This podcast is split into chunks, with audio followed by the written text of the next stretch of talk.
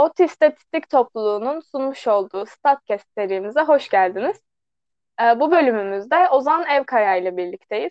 Ozan Bey merhabalar. Merhabalar. Nasılsınız? Neler yapıyorsunuz? Ee, iyiyim. İşte koşturuyoruz. Debelenmeye devam. Siz nasılsınız? Senin İyiyim. üzerinde bütün topluluğa söylemiş gibi olayım. Umarım herkes iyidir. Teşekkür ederiz. İyiyiz biz de. Etkinlikler, dersler devam ediyoruz. Ozan Bey şu anda Padova Üniversitesi'nde araştırmacı olarak görev yapıyor. Bunun yanı sıra TED Üniversitesi'nde de online öğretim üyesi olarak çalışmakta. Öncelikle Ozan Bey sizinle ODTÜ kariyerinizde konuşmak istiyorum. ODTÜ'ye ve matematik bölümüne geldiğinizde e, kafanızda nasıl ilerlemek vardı? Yani ilk gelişimde matematiği isteyerek ve bilerek gelmiştim. Geri dönüp baktığımda zaten hatırladığım bazı hikayelerde hep şey var. Hani evet matematik yazacağım. Hatta benim üniversite tercih dönemim bu açıdan çok e, tırnak içerisinde hikaye olabilecek bir şey. Neredeyse tıbba gidiyordum. Ucundan döndüm. E, işte ODTÜ matematiği istiyordum ama bir şekilde yani sizin de başınıza gelmiştir. Hani çevrenin etkisinde ister istemez kaldığımız bir süreç oluyor o dönemde. İşte hani senin için şu daha iyi olur, bu daha iyi olur deniyor ama hani kimse kimseyi de çok bilmiyor aslında. Herkes kendi perspektifinden, kendi yaşam koşullarından ya da ezberinden bir takım önerilerde bulunuyor. Bana da o dönem e, gelen öneriler hep şey doğrultusundaydı. İşte hani madem iyi kötü bu kadar puan aldın, işte tıp olabilir, işte evet. aman efendim diş hekimliği olabilir. Neden bunları yazmıyorsun falan diye beni biraz işlemişlerdi tabiri caizse. Ben matematiği istememe rağmen neredeyse yazmıyordum. Ee, sonra yani ucundan dönme hesabıyla şey gibi oldu yani hani yazdığım şeyi sildim sonra tekrar yazdım. Ee, küçük bir yerde yani Taşra'da ben bitirdim liseyi. Orada bitirdiğim için hani her şey biriktirilip gönderiliyordu o dönemde. Herkes işte tercihlerini yapıyordu bütün listeler toparlanıyordu. Ondan sonra iletiliyordu. Yani daha manuel zamanlar. Matematiği silip sonra yok ya ben rahat edemeyeceğim deyip tekrar matematiği yazıp o şekilde başvurdum ve üçüncü sırada o gelmişti ve o gün bugündür hep kendime şeyi söylüyorum yani iyi ki geldi diyorum ve hala bunu diye olmaktan çok mutluyum mesela. Hani bizim işte lisansa başlayıp çok memnun olmayan arkadaşlarımız da oldu. Hmm. Ya işte gelmeseydik başka yere gitseydik daha mı iyiydi falan e, saçlarımızın renginde bazı yansımaları olsa da e, şey demedim yani. İyi ki tıp değil de o üçüncü sıradaki matematik olmuş dedim. Hala diyorum. Neyin peşindeyim bir fikrim yok ama umarım demeye devam edeceğim. Bakacağız. umarım öyle olur evet. E, lisedeki bazı arkadaşlarla bir araya geldiğimizde mesela bir arkadaşın defterinde şeyi görmüştüm hani. Ben yazmışım işte ODTÜ matematiğe gideceğim falan. Biraz da o hikayenin peşinden gitmeye gayret ediyorum. Hani bir nevi. Peki ODTÜ'nün içindeki sosyal hayatınız nasıldı? Lisans ve yüksek lisans da orada yaptınız. Hı hı. Bu dönemlerde. Topluluklarda aktif miydiniz ya da nasıl etkinliklere katılırdınız? Şöyleydi.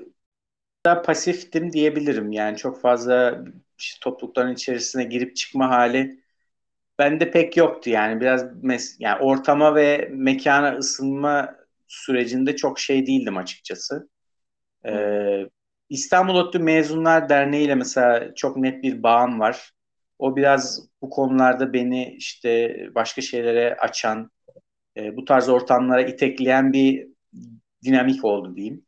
Bir parametre oldu. Çünkü e, biz bir şekilde o başvurular vesaire sonrasında işte Mezunlar Derneği'nin bursiyeri olduk. Onların işte bünyesindeki bursiyer grubu, işte o bursiyer grubunun yapmaya çalıştığı sosyal etkinlikler, aktiviteler biraz daha beni oraya itekledi. Ee, çok böyle mesela işte o topluluktan bu topluluğa koşan bir ODTÜ öğrencisi değildim. Ee, kendi çapımda şeyin farkındaydım yani hani hazır ne bileyim ben işte beginner artı pre-intermediate okuduğum için ya çalışmamız lazım galiba mottosuyla e, şu an ne kadar gerçekçi bilmiyorum hani 2022'de çok emin değilim ama bizim o dönemki şeylerde biz çok meseleyi ciddiye almak zorunda gibi başladık. Onun da etkisiyle muhtemelen böyle şey de yapamadık yani işte bir hazırlık ortamımız vardı işte sosyal açıdan. zaman ilerleyince dernek vasıtasıyla ciddi bir e, sosyal komite içerisine girebildim ve orada aktif de rol aldım. Yani işte hem e, toplumsal duyarlılık projelerinde iki sene işte koordinatörlük yaptım. Sonra genel koordinatörlük yaptım. O çok böyle ilerleyen bir e, şey oldu benim için. E, süreç oldu. Son yıllarda da hatta son yılda e, Türk Halk Bilimi topluluğunda mesela tiyatroya bulaştım. E, hı hı. Sonrasında hatta onu sürdürmeye de gayret ettim yani. Hala bir şekilde e, tiyatro meselesiyle ilgili de bağımı tutmaya çalışıyorum öyle söyleyeyim. Hani benim klasik anlamda öğrencilik dışında yapmaya çalıştığım, gayret ettiğim şeyler ana hatlarıyla biraz daha fazla sosyal sorumluluk projeleri tarafı. İşte bir e, dernek ve derneğin bursiyerleri içerisindeki komünite son yıllara doğru da farklı bir toplulukta tiyatroyu e, istediğim, oraya heves ettiğim için oranın içerisine girip orada bir şeyler yapma şeklinde gerçekleşti açıkçası. Sonraki süreçte de biraz öyle gitti. Hani tiyatro ekseninde gitti daha fazla. Peki siz e, yüksek lisansınızı e, yanlış bilmiyorsam aktüerya e, bölümünde yapmıştınız. Aktüerya genel tanımıyla yani finans alanında mevcut riskle, riskleri ve belirsizlikleri değerlendirerek alınan stratejik kararlar için öneriler, önerilerde bulunan bir bilim dalı. Ve bu öneriler kısmında da matematiksel ve istatistiksel yöntemleri kullanıyor. Yanlış bilmiyorsam. Ee, siz yüksek lisans döneminizde istatistikte burada mı çalıştınız? Yoksa lisans döneminizde de istatistiğe yönleniyor muydunuz? Yani lisans sürecinde istatistiğe biraz yatırım yapmaya başlamıştım ben. Ee, birkaç kişi hatta bilinçli bir şekilde ya bu bölümde istatistik dersi de olması lazım. Hatta probability dersi seçmeli bir şekilde bir şekilde bizim de böyle girişimlerimizle tekrar açıldı öyle söyleyeyim. Uzun bir aradan sonra. E, hatta şu an işte uygulamalı matematik enstitüsünde e, devam etmekte olan Ali Devin Hoca'dan ilk probability derslerimizi aldık biz o dönemde. E, biraz oraya doğru evriliyorduk işin açığı. Hani matematikte kalıp direkt pure matematik yapmaktan ziyade daha applied tarafa doğru yönelen bir e, ekip var gibiydi. Hani benim de içinde olduğum birkaç kişilik bir grup. Biz böyle yavaş yavaş uygulamalı matematiğe biraz mail ettik işin açığı o dönem için. Orada ilk hani tercihimiz şey oldu yani uygulamalı matematik enstitüsü var. Hani matematik bitiren bir öğrenci için. ODTÜ'nün dışına da çok fazla gitmek istemiyoruz. Ee, hani çok fazla o dönem şeyimiz de yok işte yurt dışına şuralara gidelim, buralara gidelim gibi bir derdimiz de yok. Hani nereye gidebiliriz? Uygulamalı matematik bizim için iyi bir opsiyondu. Bir kısmımız finansal matematiğe, bir kısmımız da bilinçli olarak daha spesifik bir biçimde aktüeryayı tercih etti. Zaten ilk başladığında aktüerya oranın bir parçasıydı. E, benim başladığım yıl yanılmıyorsam e, tam anlamıyla farklı bir ana bilim dalı olarak yola devam etmeye başladı. E, tam o yıllarda yani master yıllarında ben daha fazla haşır neşir oldum istatistikle. Bizim master dönemimizde aldığımız birkaç ders vardı ama hani diğer derslerde mesela çok böyle derinlemesine kullanmıyorduk işin açığı. Ama gayri ihtiyari ben bireysel olarak şöyle bir noktaya gelmiştim. Hani e, finansal matematik de olsa, aktüerya da olsa, işte neyi ölçeceksek, neyi test ediyorsak, uygulamalı bir yere gidiyorsak eğer bunun bir etkisi olacak. Yani bir işte veri diye bir şey var. Bununla iyi kötü haşır neşir olmamız lazım. Bu meseleyi anlamamız lazım. Bu noktada da istatistik birçok disiplinle bir araya gelebilir. İşte interdisipliner bir kapı açabilir bir alan, bir enstrüman olarak duruyordu. Ben aktüeryanın sonuna doğru senin sorduğun yerden bilinçli bir şekilde dedim ki ben doktorayı burada yapayım. Çünkü hı hı. burada yaparsam hani ne bileyim ben şu an geldiğimiz noktada işte e, psikolojideki biriyle de çalışabilirim. Başka başka alanlarda insanlara da çalışabilirim. Ortak dil kurulduğu müddetçe. Çünkü bu bir şekilde hepimizin ihtiyaç duyduğu hani hepimizin kesim kümesi gibi bir şeye dönüşüyordu. O süreçte bunu bilinçli olarak tercih edip oradan işte istatistik bölümüne doğru e, yol aldım diyelim. Yani çok fazla uzağa gidemedim aslında. Hani ODTÜ kampüsünü düşündüğümüz zaman işte matematik, uygulamalı matematik böyle biraz e, e, düşük ölçekli mesafelerle yer değiştirdim. Ama Aynen, en son geldiğim yerden memnunum. Merkezde böyle şey olmuş. Gezmişsiniz biraz ileriye doğru. Ee, peki sizin yüksek lisansınızı da doktoranızı da ODTÜ'de yapmak yapma amacınız hani ODTÜ'de olmak mıydı? Mesela şu anda daha çok insanlar yurt dışında yüksek lisans doktora yapmaya yönelmeye çalışıyorlar. O zaman böyle imkanlar izin vermediği için mi yoksa ODTÜ'de kalmak istediğiniz için mi burada yaptınız ikisini de? Ee, şöyle özetlemeye çalışayım. Mesela lisansın bitiminde bizim ufak çaplı bir girişimimiz olmuştu master'a ilk başvurularda. Hani arkadaş ortamımızda biraz daha işte dışarıyla bağlantı olan e, insanlar ya şurada bir yer varmış buralara başvurabiliyoruz falan diyorlardı. Ama hani o süreçte o kadar meselenin farkında değildik. Ama işte aradan geçen e, yılları düşünürsek çok da yani hem çok yıl geçti, çok zaman geçti hem de çok da bir şey geçmedi. Hani 10 yılın sonunda geldiğim noktada ben şey diyorum yani şimdiki aklım olsa e, belki biraz daha cesur davranıp e, doktoramı bırakıp başka bir yerde doktora yapardım. Hmm. Ya da hmm. işte doktora yapmak istiyorum diyenlere diyorum ki en yakınım işte kız arkadaşım, eşim, dostum dahil. Bu bir anlamda biraz ironik, trajedik bir şey. Yani bunun altını aslında birlikte deşmemiz lazım. Ee, ama hani beni getirdiği süreç o oldu. Çünkü dışarıya çıktığımda fark ettim ki yani çok daha fazla kendimizi ne bileyim ben işte tırnak içerisinde geliştirmek, e, daha fazla bir şeylerin farkında e, yetiştirmemiz gerekiyor. Ama bizim oralarda çok ciddi sorunlarımız var. Yani çok ciddi iletişim sıkıntılarımız var. Bunları bir şekilde atlatmamız lazım. Bu işte eğitim bunlardan bir tanesi mesela. Yani benim sürecimde doktora da ben tercih etmedim o yıllarda hani bırakıp gideyim ya da direkt yurt dışında doktoraya başvurayım diye. Ama şu an geri dönüp baktığımda ya keşke o zaman yurt dışında doktoraya direkt gitseydim diyorsam e, burada bir sorun vardır diye tahmin ediyorum ki hani senin sorduğun noktada artık işte e, yeni gelen ekip e, bir şekilde işte alt jenerasyon diyelim e, kelime anlamıyla bu konuda daha yani ne bileyim ben arayışta daha fazla gitmek istiyor.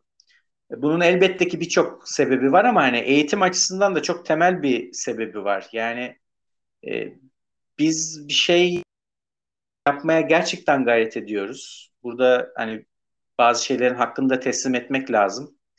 Oralar eksik kalmasın.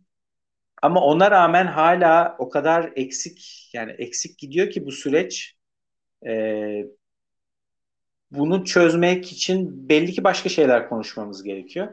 Neyse çok e, şey yapmayayım böyle dallandırıp budaklandırmayayım. Ben o dönemde başvurmamıştım. Sadece şöyle bir e, niyetlenmem oldu mesela doktora sürecinde.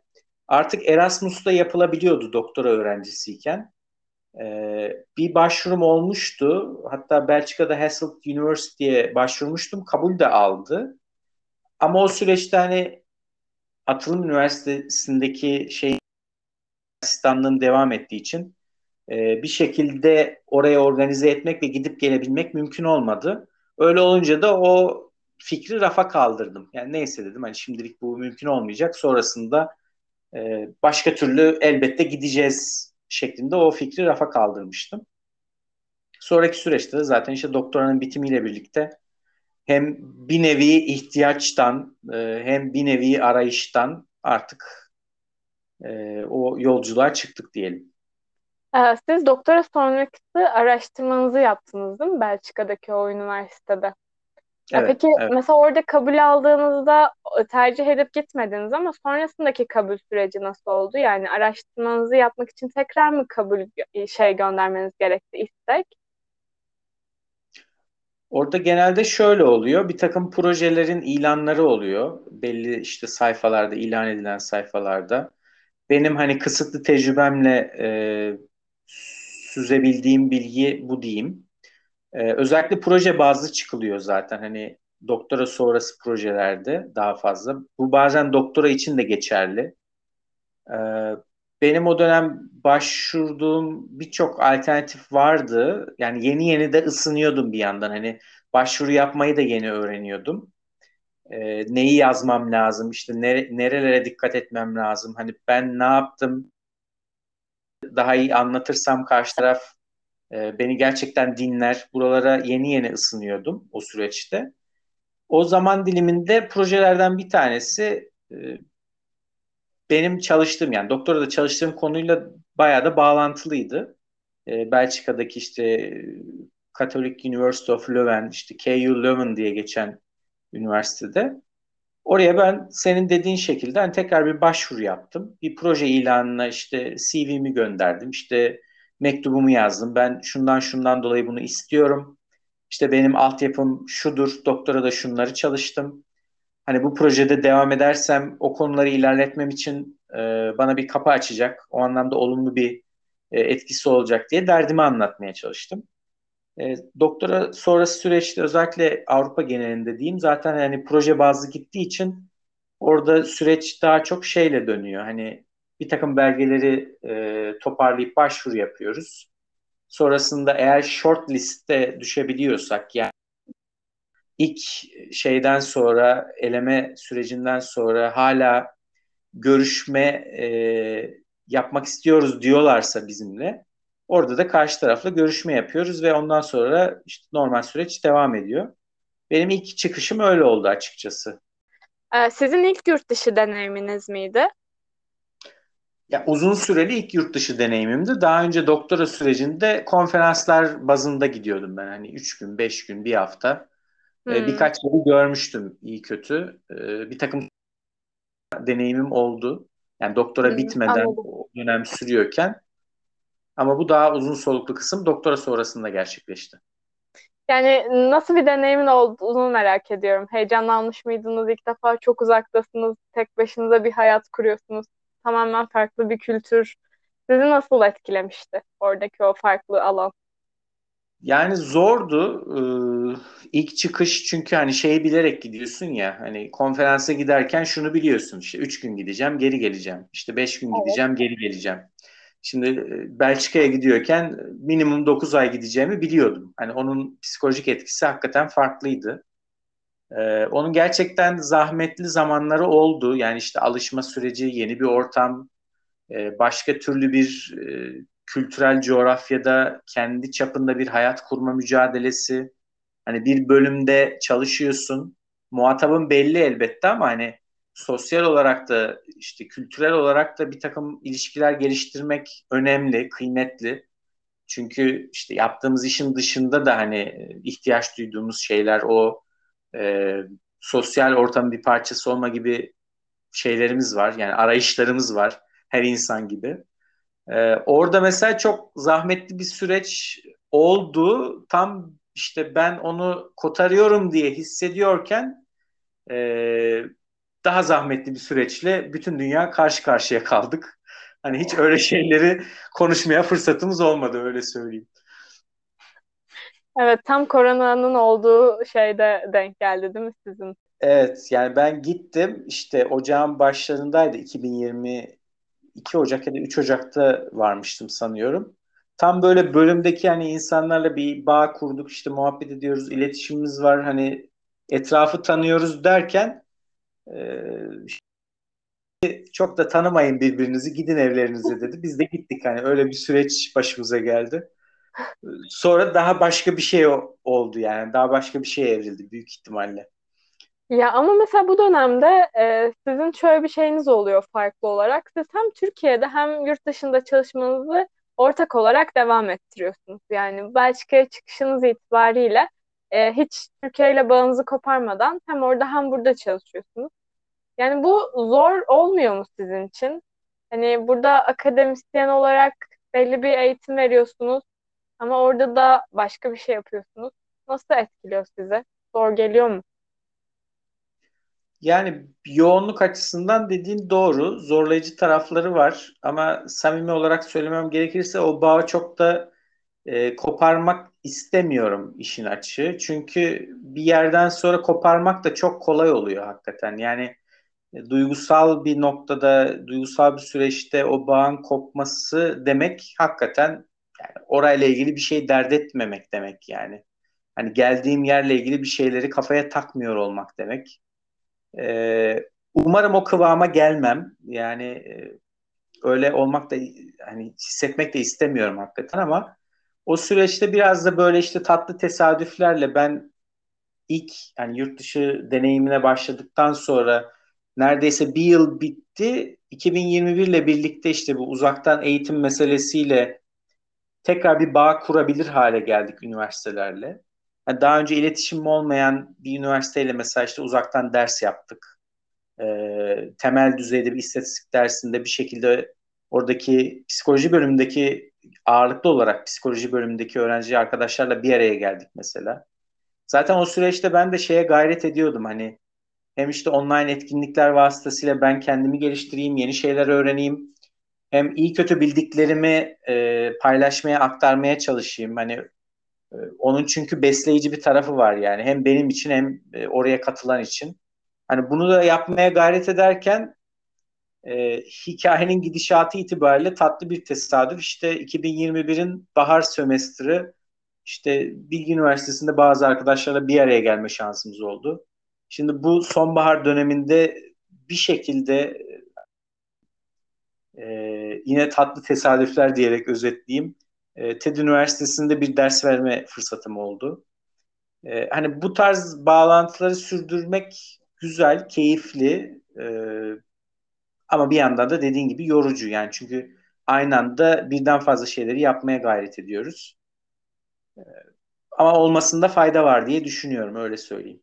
Özellikle manevi tarafı daha fazla yani işin açığı. Peki e, TED Üniversitesi'ndeki şu an verdiğiniz e, ders ne üzerine tam olarak? E, Statistical Learning diye geçen bir dersimiz var orada. E, işletme tarafında yani birebir birinci ana dal değil de hani tercih edenler için bir yan dal formatında özellikle veri bilimine meraklı insanların geldiği, meraklı arkadaşların katıldığı bir program var. O programın zorunlu derslerinden birisiydi. Hmm. Ee, Statistical Learning with R diyebilirim. Çünkü her şeyi zaten orada yapıyoruz. Ana evet, learning zaten... deyince direkt benim de R geldi aklıma. İstatistiksel öğrenme R. Evet. Evet yani dil olarak hani araç olarak onu kullanıyoruz o derste de. Yani benim zaten e, şeyi böyle kurcalamak istediğim bir süreçten geçiyordum. E, duymuşsunuzdur muhtemelen işte bu e, kitabın adını şu an belki ezbere söyleyemem ama Statistical Learning ile ilgili hani kutsal kitaplardan biri. F, Efron ve Şir et al. Ee, o, onunla ilgili bir şeyler yapmak istiyordum zaten. Hani hem ben daha fazla işte kendimi geliştireyim, bir şeyler öğreneyim. Ee, bununla ilgili ne bileyim işte bir takım online etkinlikler olur. Bunları paylaşma fırsatım olur derken e, ders biraz böyle tuzu biberi gibi oldu. E, o bahaneyle daha fazla onun içerisine dalma fırsatı buldum. E, şimdi oradan da benzer biçimde devam edeceğiz gibi duruyor bakalım önümüzdeki dönem adına. Güzel gözüküyor. Peki bir de diğer kısmı var. Şu an çalıştığınız şirkette neler yapıyorsunuz? Orada ağırlıklı olarak eğitim tarafındayım. Ee, başlangıçta da zaten o şekilde dahil olmuştum. Ee, yine bir takım işte istatistiksel yöntemlerin öğretildiği e, işte R ya da Python bir şekilde dil ne olursa olsun hani burada katkı verebileceğim motivasyonuyla işte görüşmüştük arkadaşlarla zaten. Sonra bir şekilde o sürece dahil oldum. E, proje tarafında çok fazla sorumluluk almıyorum, onu söyleyebilirim. Yani başlangıçta biraz daha kafa yorduğumuz bir giriş şeyi oldu, dönemi oldu. E, onlar şimdi ağırlıklı olarak zaten proje tarafında ilerliyorlar. E, yakın zamanda sanıyorum bir takım eğitimler olacak. E, yani takvim uyduğu müddetçe bir şekilde birlikte onu yürütmeye çalışacağız. Şu anki görüntü o. Anladım. Bu arada tabii biz başta bu konuda bahsetmediğimiz için e, Predica Artificial Intelligence şirketi. Şirket Hı-hı. veri bilimi ve yapay zeka üzerine çalışıyor.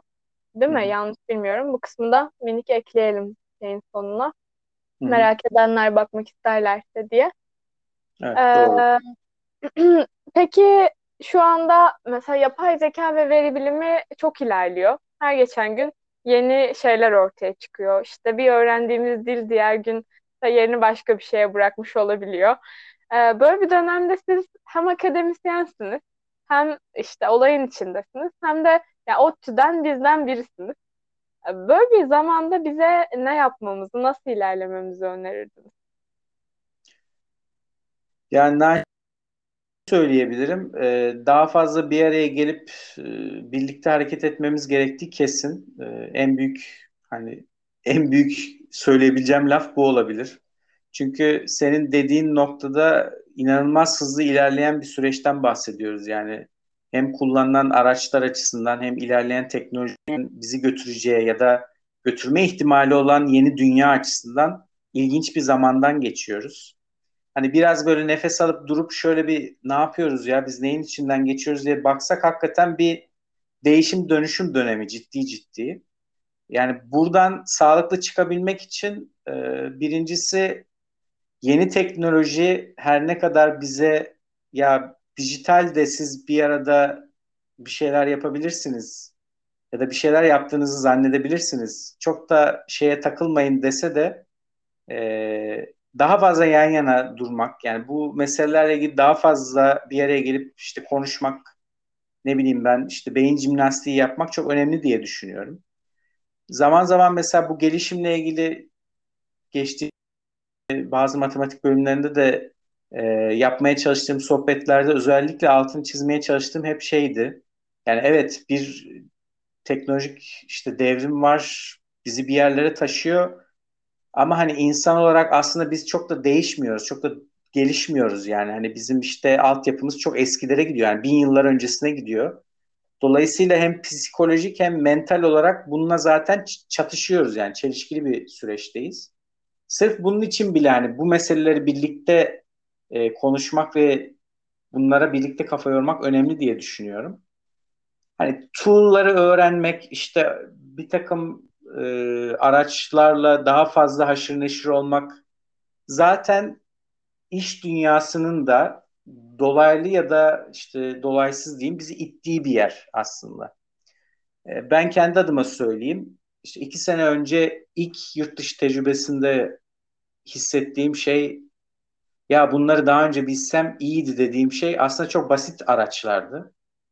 Ee, şimdi bu araçlar daha başka yerlere gidiyor. Yani daha ilginç biçimde ilerliyor. Ee, akademi tarafında da mesela ben kendi adıma şey hissediyorum. Yani bunları zaten öğrenmemiz lazım. Çünkü yani ben bir veri bilimci olarak çalışmasam bile yani eğitim tarafında da bunları bilmeliyim ki işte ne bileyim ben oradan yetişecek birilerine bunu anlatabiliyor olmalıyım. Ee, ya da zaten bir şey anlatmasam da yani ders verme anlamında söylemiyorum bunu tek başına.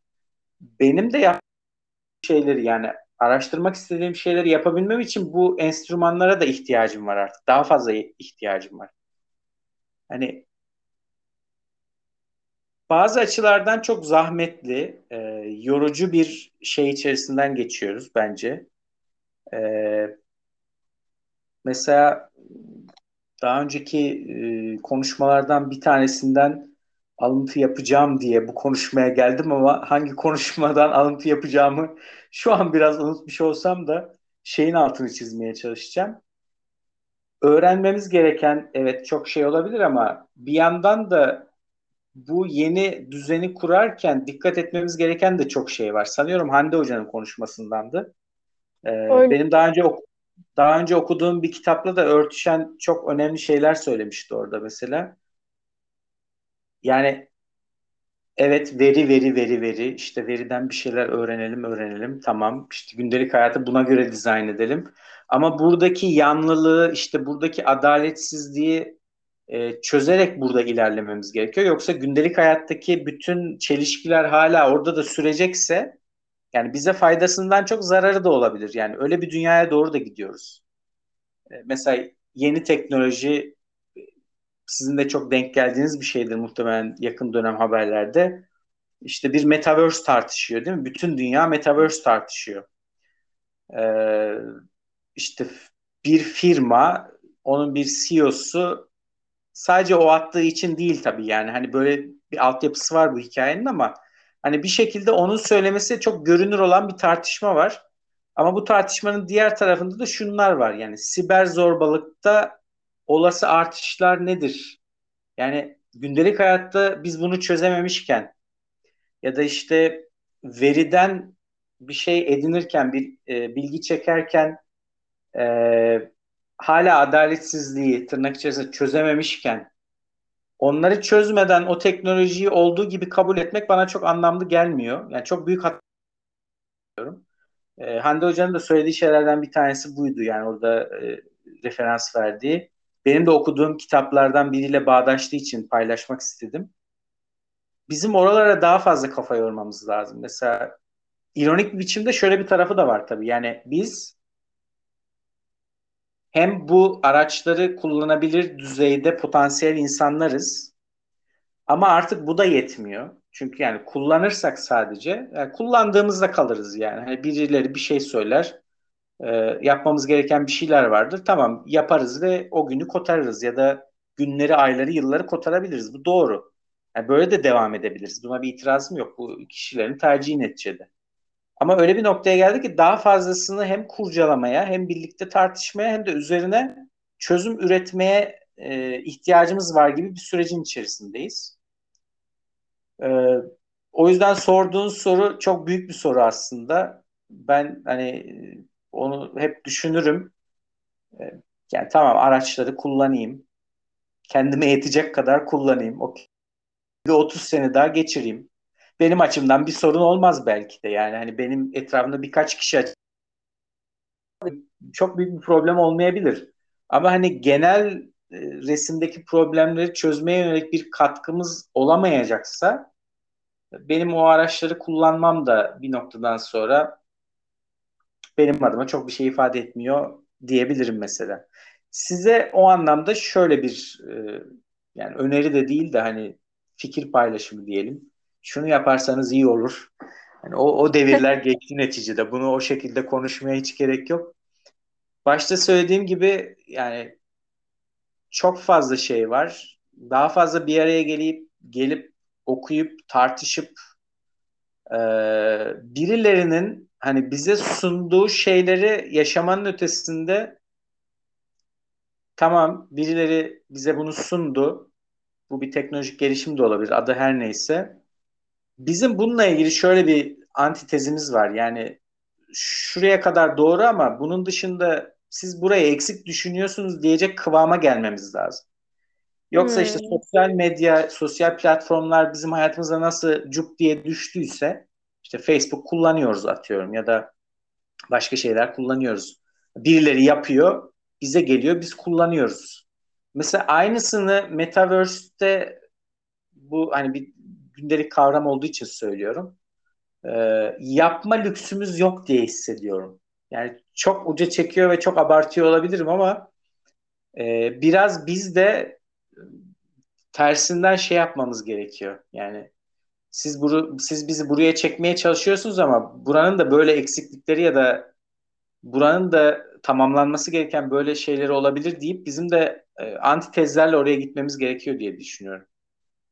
Bu hani kullandığımız her bir teknoloji için geçerli aslında. Anladım. Araç Biraz kullanımı. teknolojiyi kullanmak değil, teknolojiyi işte sadece günlük hayatta kullanmak değil. Onu nasıl kullandığımızı bilerek, iyi yönlerini de öğrenerek dünyaya katkı sağlamak aslında demek istediğiniz değil mi? Yanlış anlamıyorum. Yo doğru anlıyorsun. Ee, onda haklısın. Ya bir nevi üretmek aslında. Evet. Onda senin dediğinle aynı kapıya çıkacağız. Çünkü yani bugüne kadar tüketerek gelmenin pek bir faydasını görmediğimizi düşünüyorum. Yani sadece tüketerek gelmenin hiçbir şekilde faydasını görmedik belki de. Hani bu değişim dönüşüm sürecinde de yani bizim de oranın bir parçası olup o üretime katkıda bulunup bizim de söyleyecek sözümüzü hani o büyük işte denizin içerisine atmamız gerekiyor hakikaten. Yoksa yani bir şeyleri kullanmanın ötesine hakikaten geçemiyoruz zaten yani. Birileri yazıyor ve biz kullanıyoruz gibi oluyor. Yani bunu kırmak için e, bu söylediklerimizi yapmak kıymetli diye düşünüyorum. Ee, evet. Sanıyorum ana hatlarıyla öyle. Yani hmm, çok da bir şey demiş olmayabilirim ama. E, Yok.